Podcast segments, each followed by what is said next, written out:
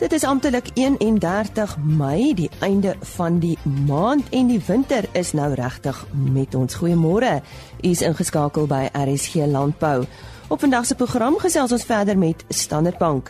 Dan praat ons oor 'n buffel inligtingsdag. So as jy 'n buffelboer is, spits jou ore. En ons vind meer uit oor die Kaapse Vlakte Landbouvereniging. Ons het by Nampo met Absa gesels oor listeriose en Agri Ooskaap deel goeie nuus in verband met hulle paaye. Ja, hulle het 'n 4 jaar lange hofstryd gewen. So vir daai nuus bly ingeskakel. Ons het gisteroggend met die senior bestuurder sekondêre landbou by Standard Bank gesels. Hy is Bertie Hamman en ons sit ver oggend die gesprek voort. Nou ons hoor so baie wat in Afrika gebeur, maar watter lande in Afrika het tot dusver dit reg gekry om hierdie gapings kleiner te maak en en, en wat kan ons byvoorbeeld by hulle leer?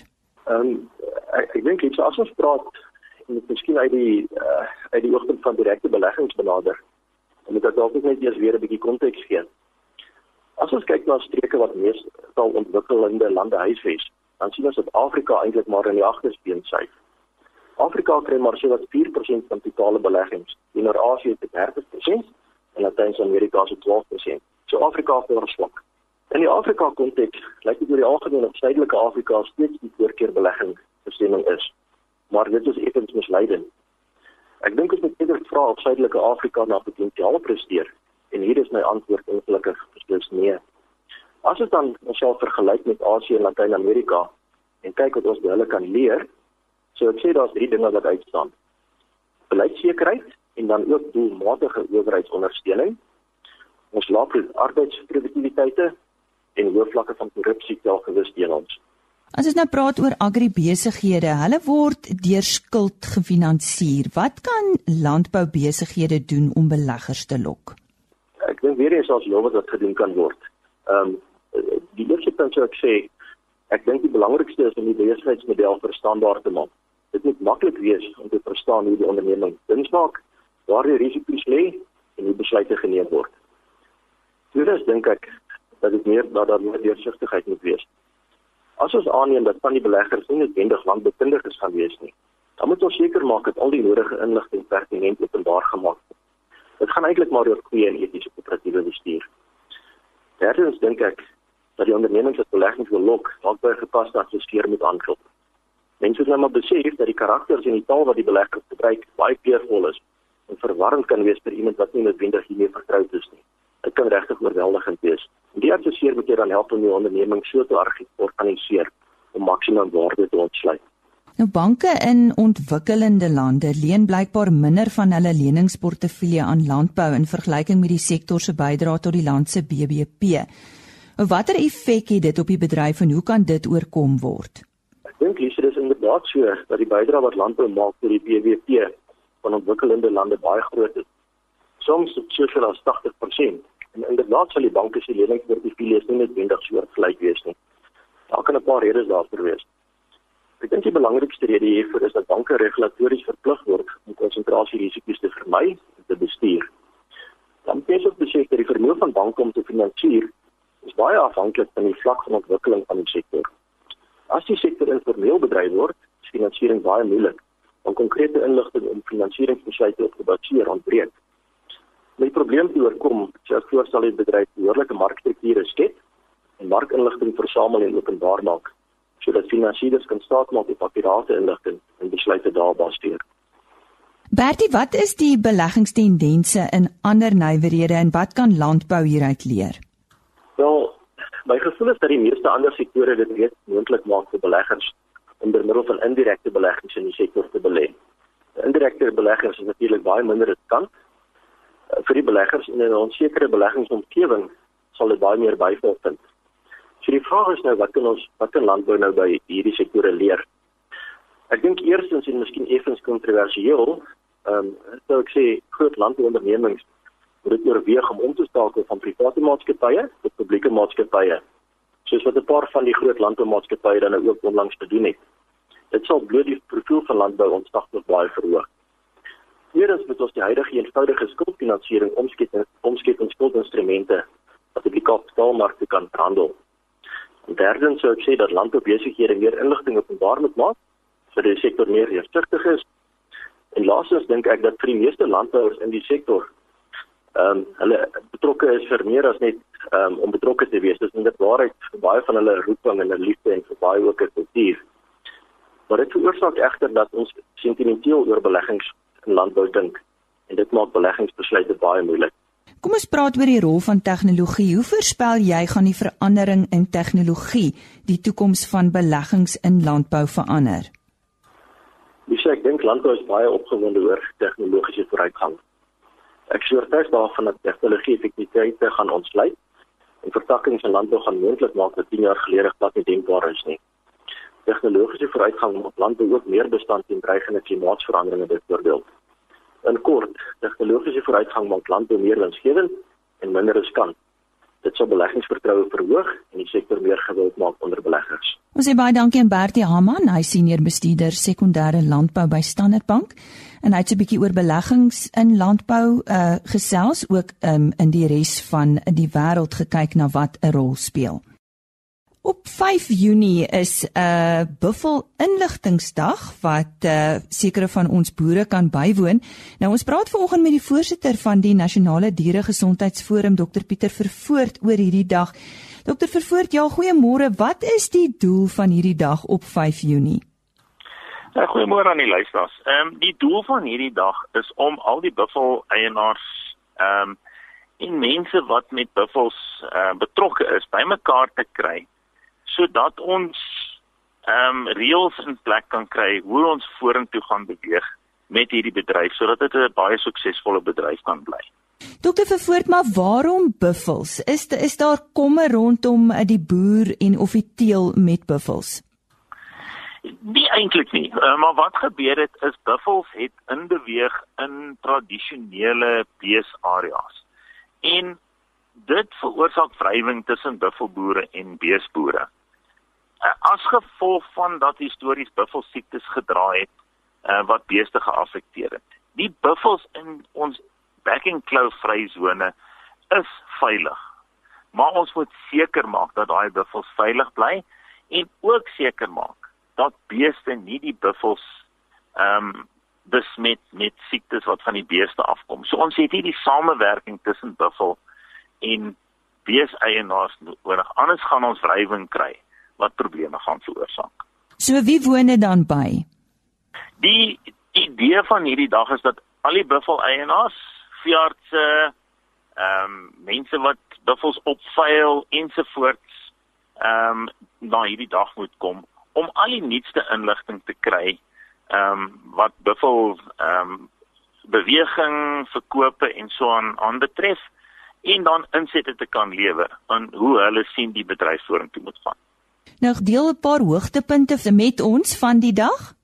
Nou, wat ons wil doen, ons wil die buffel eienaars bewus maak van uh, siektebeheer en bewegings ehm um, kontrolering van die buffels om verhoudings tussen buffel eienaars en departement van landbou wat nie heeltemal op die vlak is wat hy moet wees om dit aan te moedig en om te verseker dat daar toekomstige gesprekke bydra aan inligting tussen buffel eienaars en staatsdepartemente en groeperings van buffel eienaars kan plaasvind.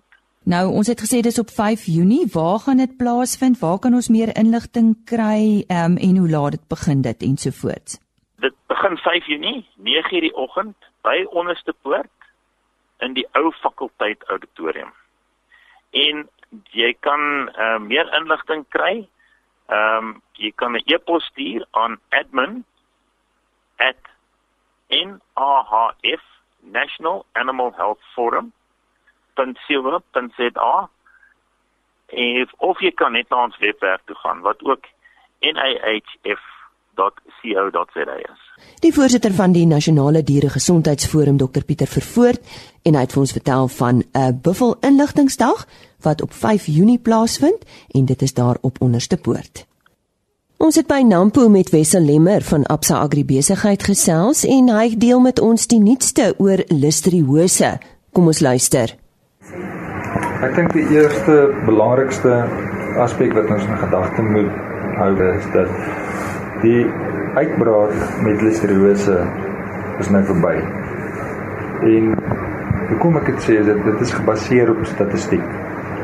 Enige iemand kan op die departement van eh, nasionale departement van gesondheid gaan kyk. Daai verslae is daar en dit wys vir jou dat ons is nou op vlakke voor 2017, voordat daar enigsins sprake was uh rondom listeriose. En wat interessant is, die normale vlakke vir uitbraak in Suid-Afrika is so tussen 60 en 80 gevalle per jaar. En ons is nou terug daar. Maar dit gee vir jou so minder as 2 gevalle 'n week. Wat dit klink nou vreemd, maar dit is omtrent normale vlakke vir listeriose wat aangemeld word. En sedert einde 2017 is dit nou 'n onmeldbare siekte. So ek dink daai daardie boodskap dit is baie belangrik dat daardie boodskap ook uitgedra word aan die verbruiker om te weet dat ehm um, dat hierdie uitbraak is verby en dat daar statistiek is wat dit wat dit ook so bewys. Ons sien reeds dat die slagsyfers uh het op 4 Maart toe die produkte afgehaal is van die rakke baie skerp gedaal. Maar slagsyfers is weer terug. Dit is 'n bietjie minder as 'n uh, jaar gelede.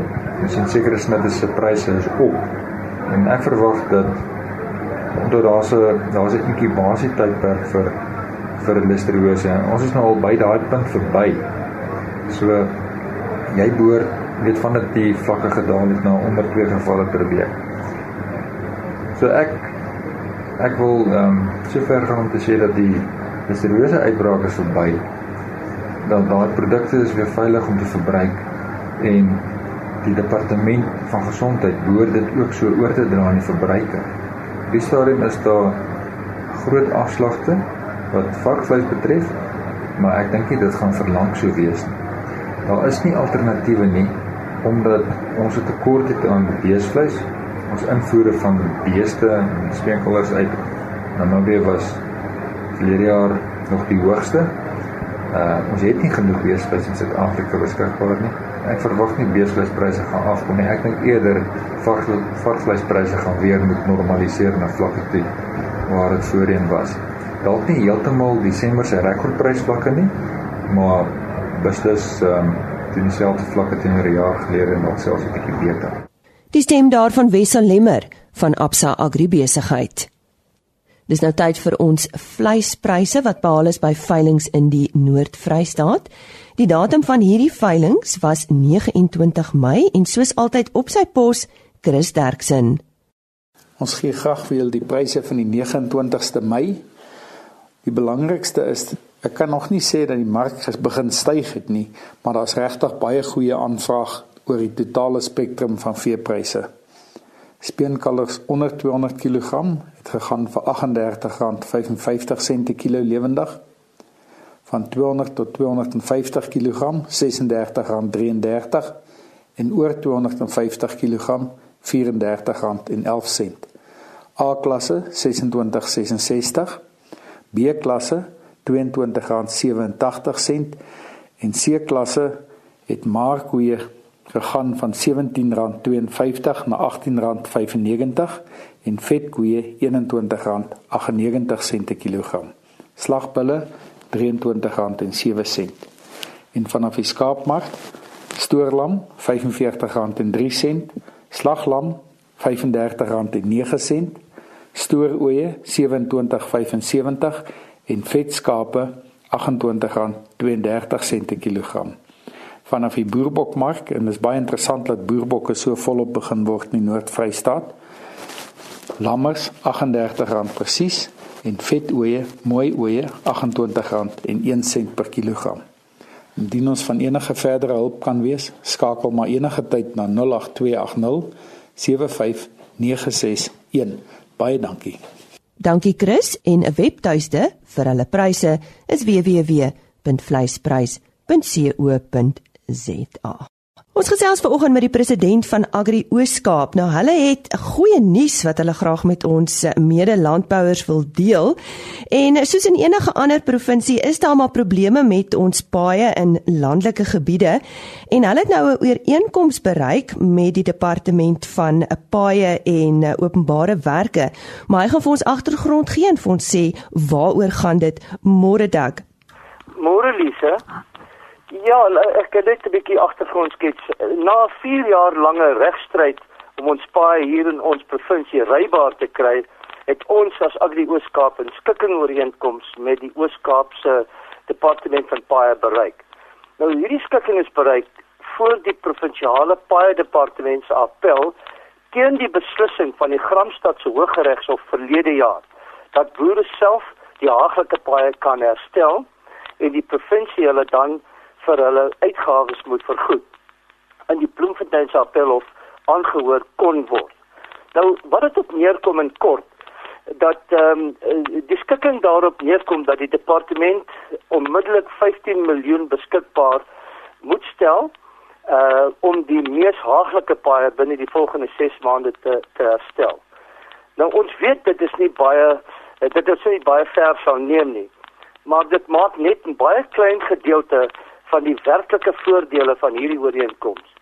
Wat meer belangrik is, Lise, is dat Agri Ooskaap sal voortaan deel moet wees van die provinsiale paaie se jaarlikse begrotingsproses waar tydens besluit word watter paaie se onderhoud of herstel geprioritiseer moet word. Nou die beste van hierdie skikking is dat die departement nie op enige stadium deur die jaar kan sê hulle geld is op en dat daar nie kan voortgaan op die paaie wat tydens die begrotingsproses geïdentifiseer is nie.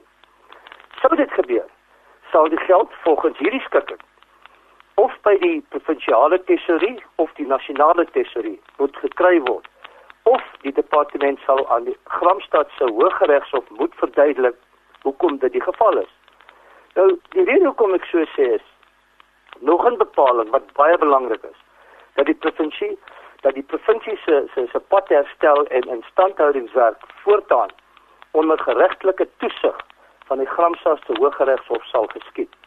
Daar is dus van nou af geen ander uitweg vir die departement as net om hulle werk te doen. Hierdie skikking plaas 'n groot verantwoordelikheid op ons as 'n boereorganisasie soos jouself kan dink. Omrede ons gaan nou deel wees van die proses wat sal bepaal waar en op watter paai geld bestee, bestee gaan word. Daar is ooreengekom dat ons op 'n kwartaalike basis moet met die departement vergader om vordering van hulle werk te monitor.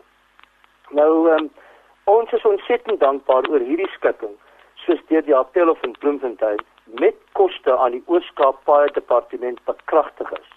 Dit is vir Agri Ooskaap 'n belangrike oorwinning omrede uh, ons uiteindelik bereik het wat ons 4 jaar la, uh, voorheen beginne veg het. Uh, naamlik dat die departement om die departemente dwing om hulle werk te doen. Ek is seker baie van ons ander provinsies sal wil volg.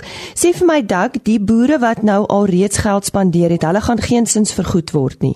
Wel, wel ongelukkig is dit so, want onthou nou seker vir die afgelope jaar uh is hierdie is hierdie uh is uh, die, die uh, toe nadat hulle appel aangeteken het, kon daar niks verder gebeur het in elk geval nie. Maar uh, dit was nie eintlik 'n werkbare oplossing nie, want ehm um, daar sou altyd foute gevind gewees het en en ja, dit is heeltemal reg ongelukkig gaan daai boere nie uitbetaal word nie, maar daar was nooit iets dit was in die pipeline ja, maar daar was nooit iets regtig op skrif nie. Want dit was al altyd altyd in die onderhandelingsproses.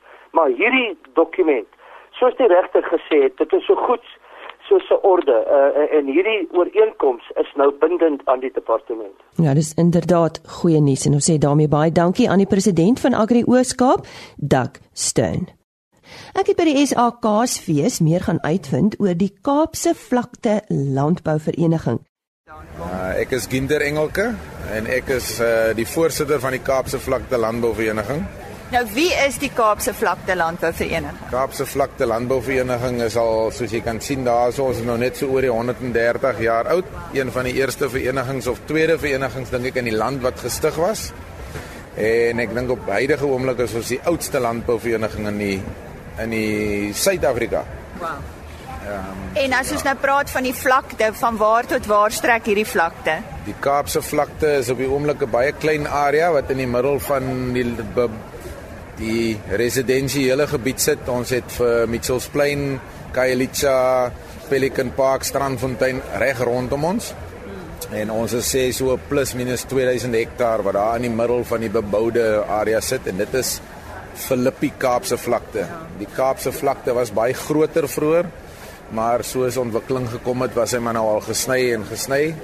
So uh, ja, so daar is nog 'n klompie boere oor en ons ons is nou al uh, hoeveel jare is bestaan die Kaapse vlakte? Dis al 150 jaar vandat die Duitse settlers daar begin het. Ons weet ons het al heelwat van julle in die nuus gehoor en ons weet daar's baie groenteboere. Is dit waar op wat produseer julle hoofsaaklik? Groente. Hoofsaaklik groente. Ehm um, soos jy kan sien hierso, daar is 'n uh, redelike verskeidenheid wat wel nog uit Filippi uitkom is wortels, raap, beet, blomkool, broccoli, uh seldery, petersilie, ehm um, radys kry ons nog, uh, prei. So dit is die basiese groentesoorte. Ons doen nie goed soos tomaties en komkommers, daai meer tonnel tipe goed nie. En dan doen ons ons het 'n paar jaar gelede 'n paar meer blom kwekers gehad, maar op die oomblik is dit omtrent net ons engelke blomme wat oor is in Filippi. Die ouer garde het maar uitgesterf. En, en hoeveel lede het julle? Lede het ons omtrent so ehm, dink so 60 60 lede, ehm um, aktiewe lede by die vereniging. Die die boere self raak maar 'n bietjie minder. Die, dit is maar dieselfde konsep oral. Die groter ouens gaan groter en die kleiner ouetjies, jy weet dit is maar moeilik daar buite. Maar ja, Philippi Kaapse vlakte is nog aan die gang met al sy probleme en diefstal en dis maar die groot probleme waarmee ons almal sit. So ehm maar ons is daar, ons gaan nog aan. Nou julle het nou omdat julle nou 'n organisasie is, het mens mos maar 'n 'n visie, ehm um, iets iets waarna julle streef. Wat is dit? Ja, ek dink die strewe in Filippi op die oomblik is uh, daar is op die oomblik 'n groot uh, sametrek van die stad en die regering om Filippi as 'n landbouarea te beskerm want ontwikkeling druk kom maar baie erg en grond was al verkoop so maar ek dink die strewe is om Filippi weer eintlik 'n 'n produktiewe dit is produktief maar om dit 'n aantreklike area te maak. Ehm um, dit het 'n bietjie de mekaar gegaan en soos ek sê diefstal en die geweld wat daar bykom en en en die veiligheid dit is ek dink die grootste streef op die oomblik is om dit weer aanvaarbaar te maak want dit is wat eintlik maar die jong mense 'n bietjie kwel is al hierdie probleme wat daarmee te saamkom. Nou as ek so kyk na die produkte hier by my dan lyk hulle groot en gesond ten spyte van julle weeromstandighede. Ja, kyk Filippi is baie gelukkig in hierdie ehm um, toestande dat ons ondergrondse water het. So ons water kom uit boorgate. En so ons het nog nie watertekorte gehad nie. Uh ons grootste weersprobleme is maar eintlik in die somer as dit droog is, die wind en as jy nie water het nie dan kan jy baie skade as gevolg van wind en sand uh, wat waai kry. Maar ja, ons is nog baie gelukkig in daai opsig dat ons wel water het. En ehm uh, dit is ook 'n kopkrap want die stad boor nou om water te onttrek uit ons akwafer uit. So ehm um, Ons hoop maar die reën kom, ons hoop die reën kom want ons soek wel water. Ons watervlakke het nou al gedaal na 14 meter diep waar dit 5 jaar terug was dit 3 meter in die somer kon dit 3, 4 meter gewees het. So ja, nee, ons is maar almal bang vir wat die toekoms kan bring. Julle teenwoordigheid hier by die Suid-Afrikaanse Kaasfees, is dit die eerste keer? Ehm um, wat ek van weet, ja, die eerste keer wat ons 'n uitstalling doen soos hierdie, ons was eintlik genader deur die Kaasfees. Uh, ons vorige voorsitter is 'n uh, lid van die ehm um, Agri Expo so uh, ek dink deur hom het hulle vir ons nou genader om 'n uitstalling te kom doen en Ja. So ons sal maar sien of ons volgende jaar miskien weer dit doen en miskien iets verkoop ook hierso. Ja, ons het dit ja. nou gedoen ja, omdat ja, ons genader was om dit. En vind julle mense is bewus van julle? Ehm um, wat hoe waaroor gesels die mense wat hier 'n draai kom maak? Kyk, oor die algemeen die mense wat belangstel is ook in die bedryf, so daai mense in die bedryf kom nader en hulle wil graag weet wat gaan aan.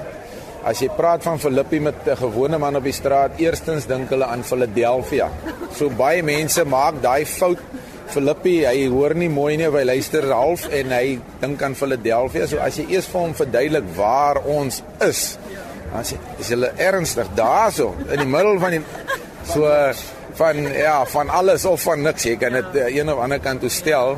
So ja, maar as die mense eers besef wat ey waar is vandaan kom en wat daar aangaan, dan is hulle baie verbaas. So dit is ja, is goed. Daar's net een Filippie. Ja. In 'n skoon seesand waar in ons groente plant. Spierwit sand. Hy's net 'n groei medium. Alles wat ons wil uithaal moet ons insit. Maar hy dreineer goed. Ja, hy dreineer goed. Daarvoor moet jy aldag water gee, want dit is soos 'n spons. So so wat is die uitdaging? Die uitdaging jy moet weet wat jy doen.